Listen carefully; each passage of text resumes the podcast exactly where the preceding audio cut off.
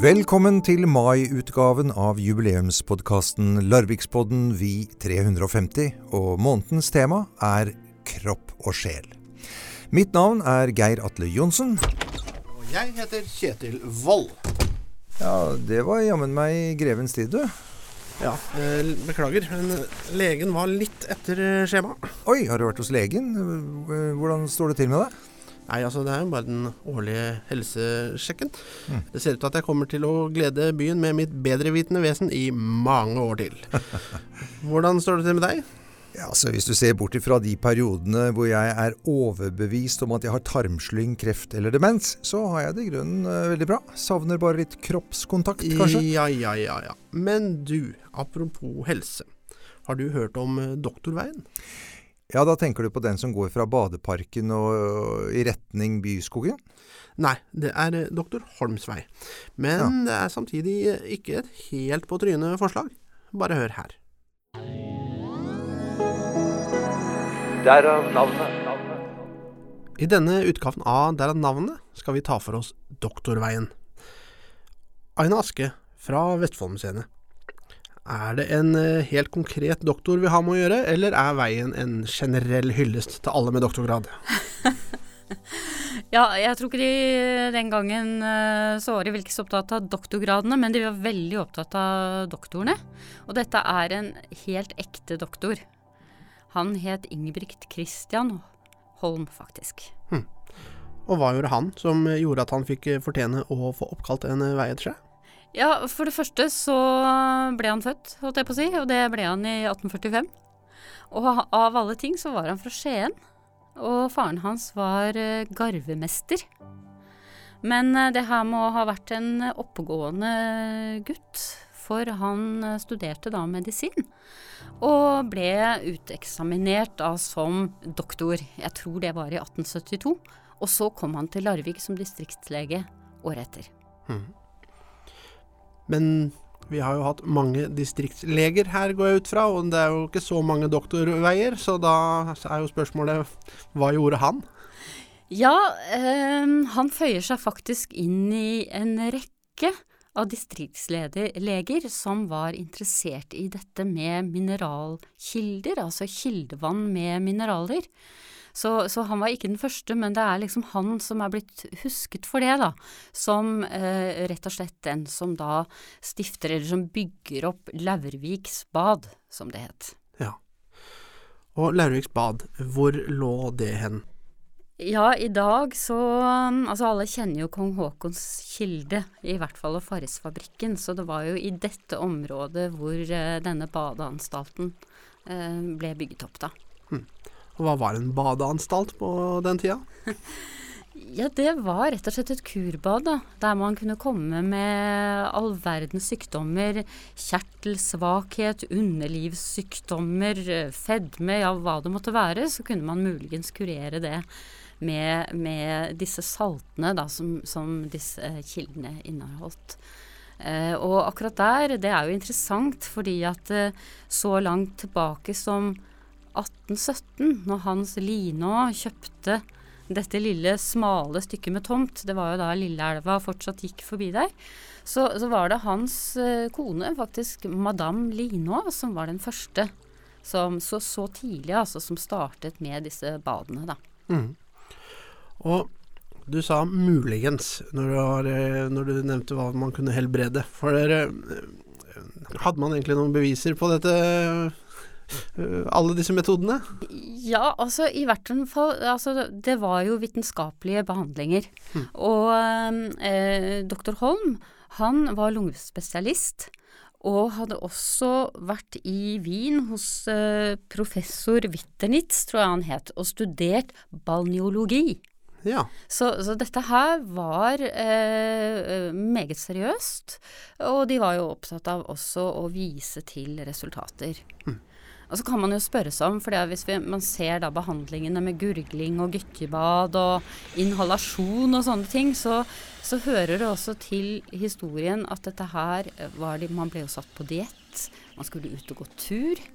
Sånn at det var jo også sunnhetsfremmende. Og, og det syns jeg er en viktig ting med da doktor Holm. At han var jo en av de viktige forkjemperne i Norge for folkehelse. Eh, og også dette med folkebad. Sånn at han hadde liksom forstått uh, dette i poenget med hygiene også. Mm. Ja, for det er også et poeng uh, at når noe er helsebringende, så kan det også hende at den hverdagen som man vanligvis var i, var såpass helseskadelig da, at et opphold et annet sted i seg sjøl er helsebringende. Ja, det er interessant du sier, fordi at det, skrives jo også, har jeg sett i en del av disse eh, annonsene, sånn, eller eh, omtalen av det, at Larvik var jo eh, Altså i 1880-årene, når dette var på sitt absolutt eh, største, så var det vel en by på rundt en 11 000 innbyggere.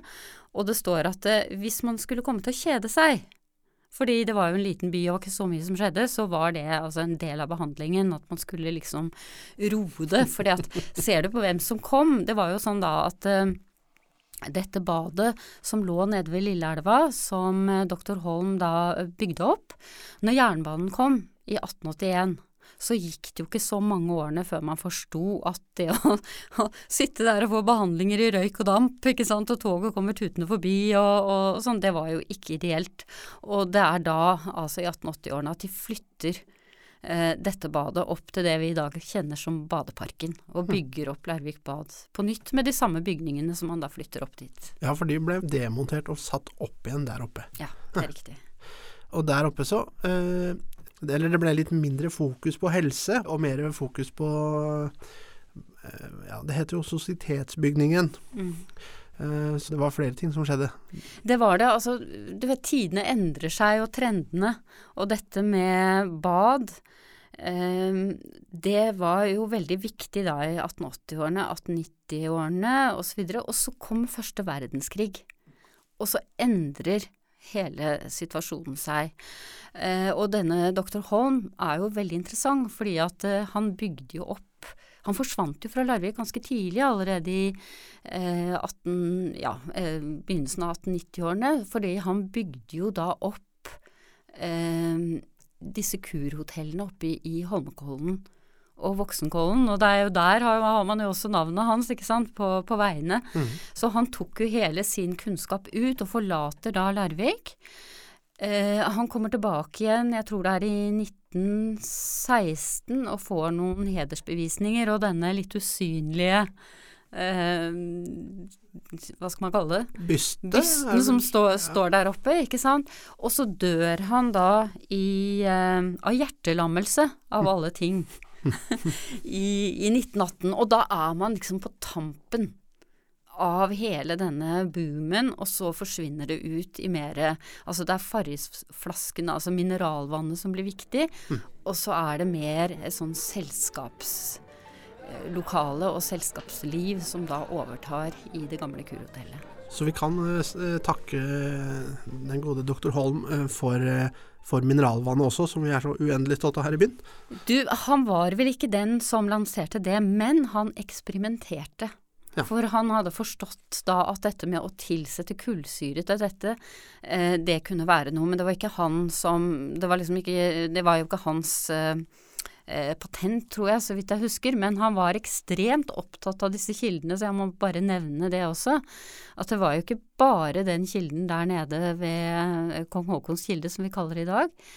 Den har hatt flere navn. Men uh, han fant også da jernkilder oppe ved herregården i Herregårdsbakken. Ja. Og der var det også, tok de vann fra disse jernholdige kildene og brukte i behandlingen. Så han var sånn, de var sånn kildedetektiver som gikk rundt og snuste i byen og, på leting etter kilder.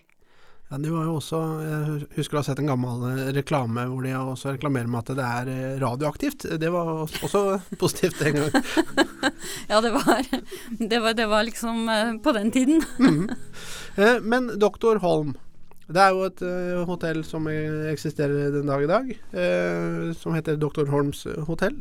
Er dette den samme Dr. Holm? Det er det, og, og, det var et hotell som han da startet i 1909.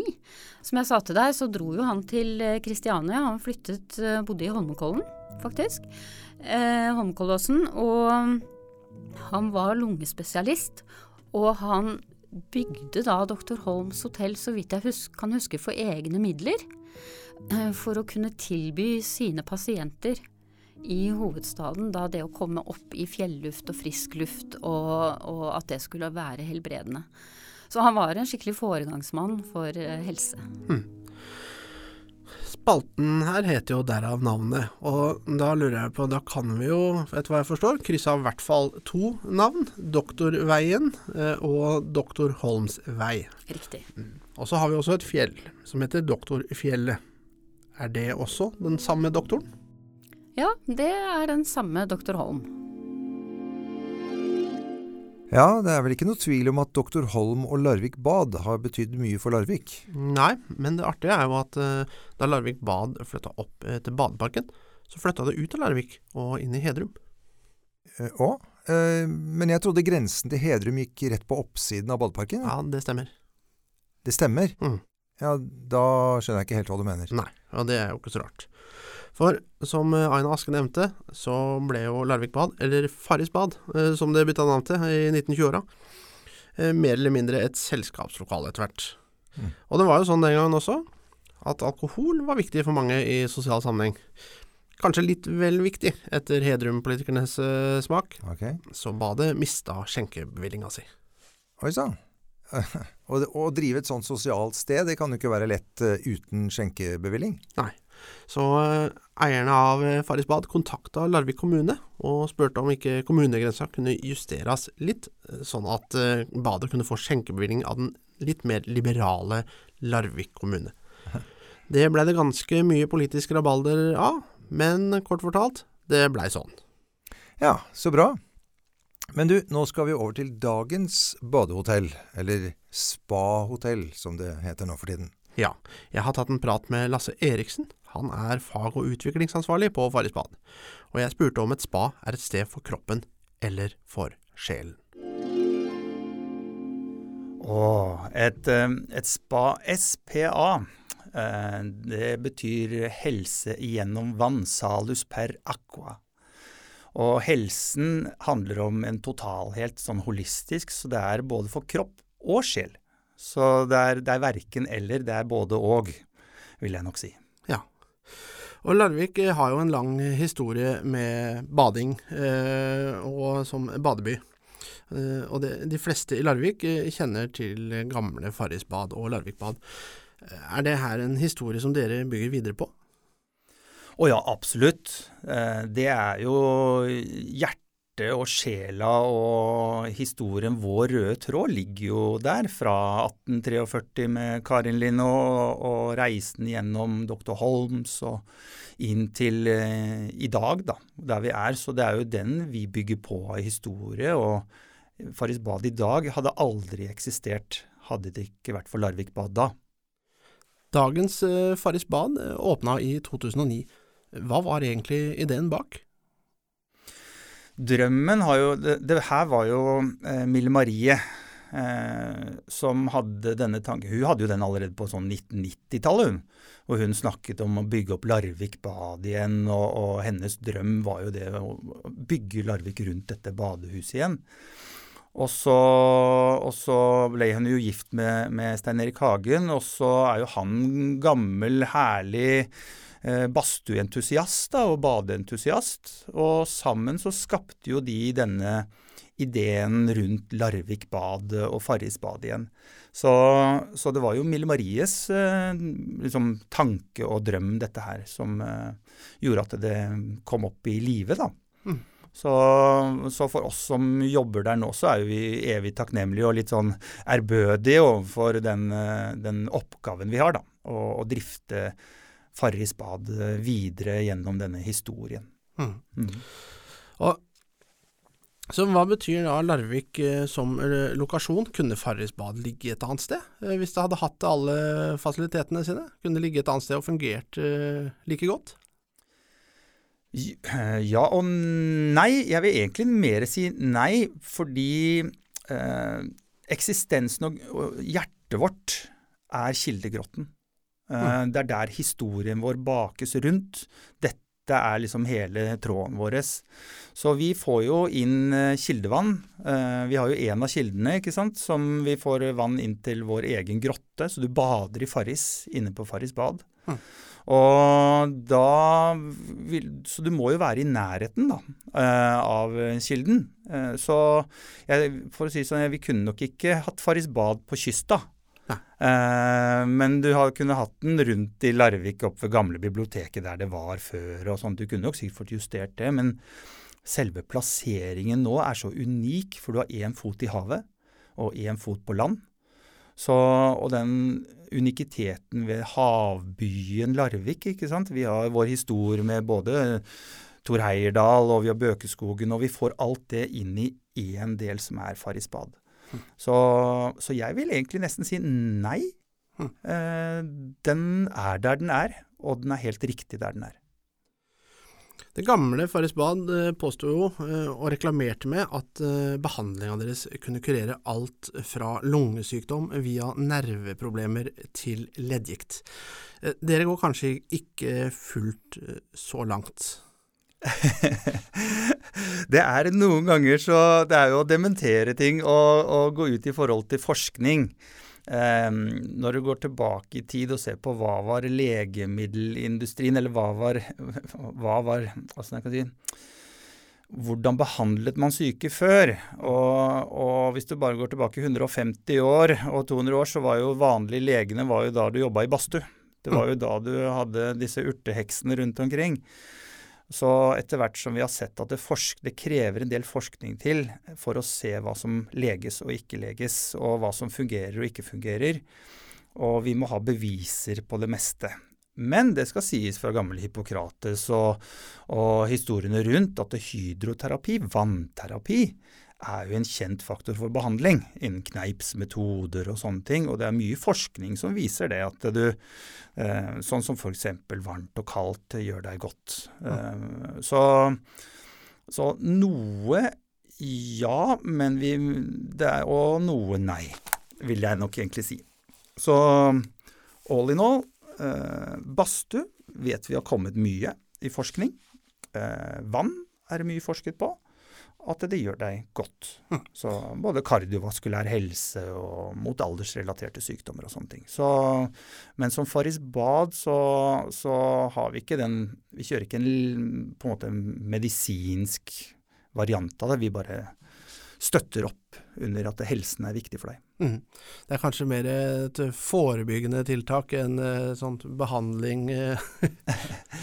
ja, forebyggende er jo essensen i veldig mye. Eh, vi ser jo det i forhold til spesielt sånn helse, psykisk helse og forebyggende og kardiovaskulære sykdommer og sånne ting, så er jo det den største årsaken i verden i dag er jo gjerne kardiovaskulære sykdommer som er grunn til største årsak for dødsfall og sånt. Så når du vet at det, du har godt av å bade og du har godt av å baste, så er jo det forebyggende over eh, hele veien. Og vi håper jo også at det skaper en liten sånn dørterskel for mange. Det er det, du vet det er godt, du vet du burde spise sunt, du vet du burde trene, du vet du burde gjøre det, men det er ikke alltid lett å gjøre det. Og da er faktisk det å gå i et spa eller velvære er en god dørterskel. For det er, sånn, det er, det er mer noe du har lyst til og ikke gruer deg til. Uh, og idet du er der, så føler du deg vel òg. Og da har du lyst til automatisk å spise litt sunnere. Og du har lyst til å leve litt sunnere. Og når du får dette iskalde, deilige Skagerrakhavet, og du bader uti der Jeg gjorde det senest i går. I syv grader deilig kaldt vann, hvor du kommer opp på stranda på Batteristranda, så står du bare og kikker utover havet, hvor det er total stillstand i tid og rom, og du bare står og føler og er det er lykke. ikke sant? Masse serotonin og endorfiner, og du føler deg lykkelig enten du vil eller ikke. Og da er det den følelsen når du vet at alle andre har den samme følelsen òg. Mm. Da kanskje det tar en liten dørterskel da, for at eh, jeg har lyst til å faktisk leve litt sunt og litt fint og litt godt. Eh, og det kan spa hjelpe til med. Vi som bor her, vi, vi, kan jo oppsøke eh, spa daglig om vi vil, men de som reiser hit, de får vel kanskje en eh, enda større effekt av det ved å kunne bruke nettopp den tida? Ja, tid er jo essensielt. Det er jo um, øh, i form av at man gir slipp på tid. Mm. Det er jo det vi søker. Vi kaller det innen psykologien så sier man oppmerksomt nærvær. Det å mindfulness, å være til stede i øyeblikket du er i. Og den får du jo i flere settinger. Det er som at du Jeg hadde en herlig tanke her at jeg var, husker jeg var på en konsert. Det er det, når du er midt i konserten, hvor du gir slipp på tid. Du bare føler konserten. Du, liksom, du har plassert deg riktig, du hører på musikken, du er i opplevelsen. Den får du i et spa. Mm. Men det krever tid. Så det er som alt mulig annet i livet. Når du putter gjerne litt tid i ting, så har det en tendens til å bli bra. Så det er når du lager god mat, så jobber du over kanskje litt tid, en time eller to, og jobber så du er i prosessen. Mm. Hvor tiden hvor du ikke kikker på klokka. Der er liksom essensen i spa og, og, velbehag. Så, og det er det å leve i øyeblikket, da. Og den tar vi og utfordrer deg litt. Ved at uh, du får dette deilige badstua og havbadet og sånne ting. Så tid er uh, nøkkelen ved at du skal gi slipp på den. Og havbadet, her kommer det interessante, da. Som er at havbadet er jo en fantastisk måte å bli var på tid på. Eh, du har det jo Sikhene har det jo kuldebad i sin religion, og russisk-ortodokse gjør det hver 19. januar, og tar dette kalde badet på morgenen og sånn. Og hvis du går ned i null grader kaldt vann, eller tar en iskald dusj på morgenen, og teller til ti, så vil det bli de ti lengste sekundene du har hatt i hele ditt liv. og da er du plutselig litt årvåken og oppmerksom på nærværet ditt, at tid er individuelt. Mm. Så hvis du har dårlig tid, alltid ta kald dusj eller kald bad, så har du plutselig litt god tid. Så det er nøkkelen. uh, over på det sosiale. Uh, for, for, det gamle Farrisbad uh, så var jo etter hvert det sosiale vel så viktig som det helsemessige. Etter hvert så var det vel kanskje kun sosialt. Men eh, det, hvordan er den balansen eh, i dagens Farrisbad? Og det er vel så viktig. Eh, og spesielt nå, Uh, tenkte hele den der covid-perioden, hva er det alle savner? Det er jo det sosiale. Mm. Så jeg ser jo nå at uh, viktigheten av en sosial arena, uh, å være sammen, enten det er bare to, eller flere som venner, eller møte andre. Man trenger ikke være Du kan fortsatt være sosial og være alene. Mm. Så vi har jo gjester som kommer til Faris Bad og er der alene for å slappe av, men de vil være i en sosial setting. Uh, og, og, det er, tror jeg er ekstremt viktig. Denne åpenheten for sosiale settinger. Det betyr ikke at man må være flere, men bare følelsen av å være i en gruppe, eller følelsen av å være rundt flere andre, er noe vi kommer til å trekkes veldig mot, og det kommer til å vare en stund. Så dagens Farisbad, absolutt. Det er en, en eh, nær og, og sosial arena også, hvor du kan trekke deg vekk hvis du vil, og når du vil. Du nevnte covid. Det er jo vanskelig å komme utenom. Åssen eh, har det påvirka hotellet? Jo, vi har jo Jeg sitter jo mye i sånn Jeg snakker om badstue rundt i verden og sitter i forskjellige sånne forumer rundt i verden i helse. Og, og, det interessante er jo å se at de kikker jo til Norge, og vi er jo de eneste som er oppe. Alt annet er jo stengt rundt i verden, ikke sant. Eh, hadde vi bare reist ut, så hadde vi sett det. Det er nesten som når vi reiser til Oslo, så føler vi nesten Oslo er stengt ned. Og vi tenkte oi, oi, oi, se hvordan det er. Og, så vi har jo hatt åpent siden juni. Eh, vi stengte en måned nå for halvannen, liksom, halvannen måneds tid siden ned her i Larvik. Så for oss har jo den blitt påvirka i driftsøyemed. At vi ser at uh, uh, hygiene, avstand, alle disse tingene her er ekstremt viktig. Men også så ser vi at vi som driver i spa, og vi har alltid hatt skyhøye krav til høy hygiene. Så for oss er det ikke så stor forskjell, egentlig. Eh, når folk kommer inn i spa, så er det vi, vi har de samme vaskerutinene. Vi må passe på at alt er rent og hyggelig uansett. Det eneste er avstand og antall mennesker som er liksom forandringen hos oss. At man påstår det. Så, men vi ser jo gjestene våre er jo ekstremt glad for muligheten til å komme og bade og baste og havbade for sin egen helse og velvære, og spesielt psykiske helse. Eh, så vi merker jo at eh, folk lengter jo etter det og har lyst på det og behovet for det. Så sånn sett er vi jo ganske fullbooket hele tiden. og jeg tror at trenden vil vise det fremover også, at eh, personlig helse som trening og, og, og, wellness som spa og sånt kommer til å vokse betydelig mer fremover i tid.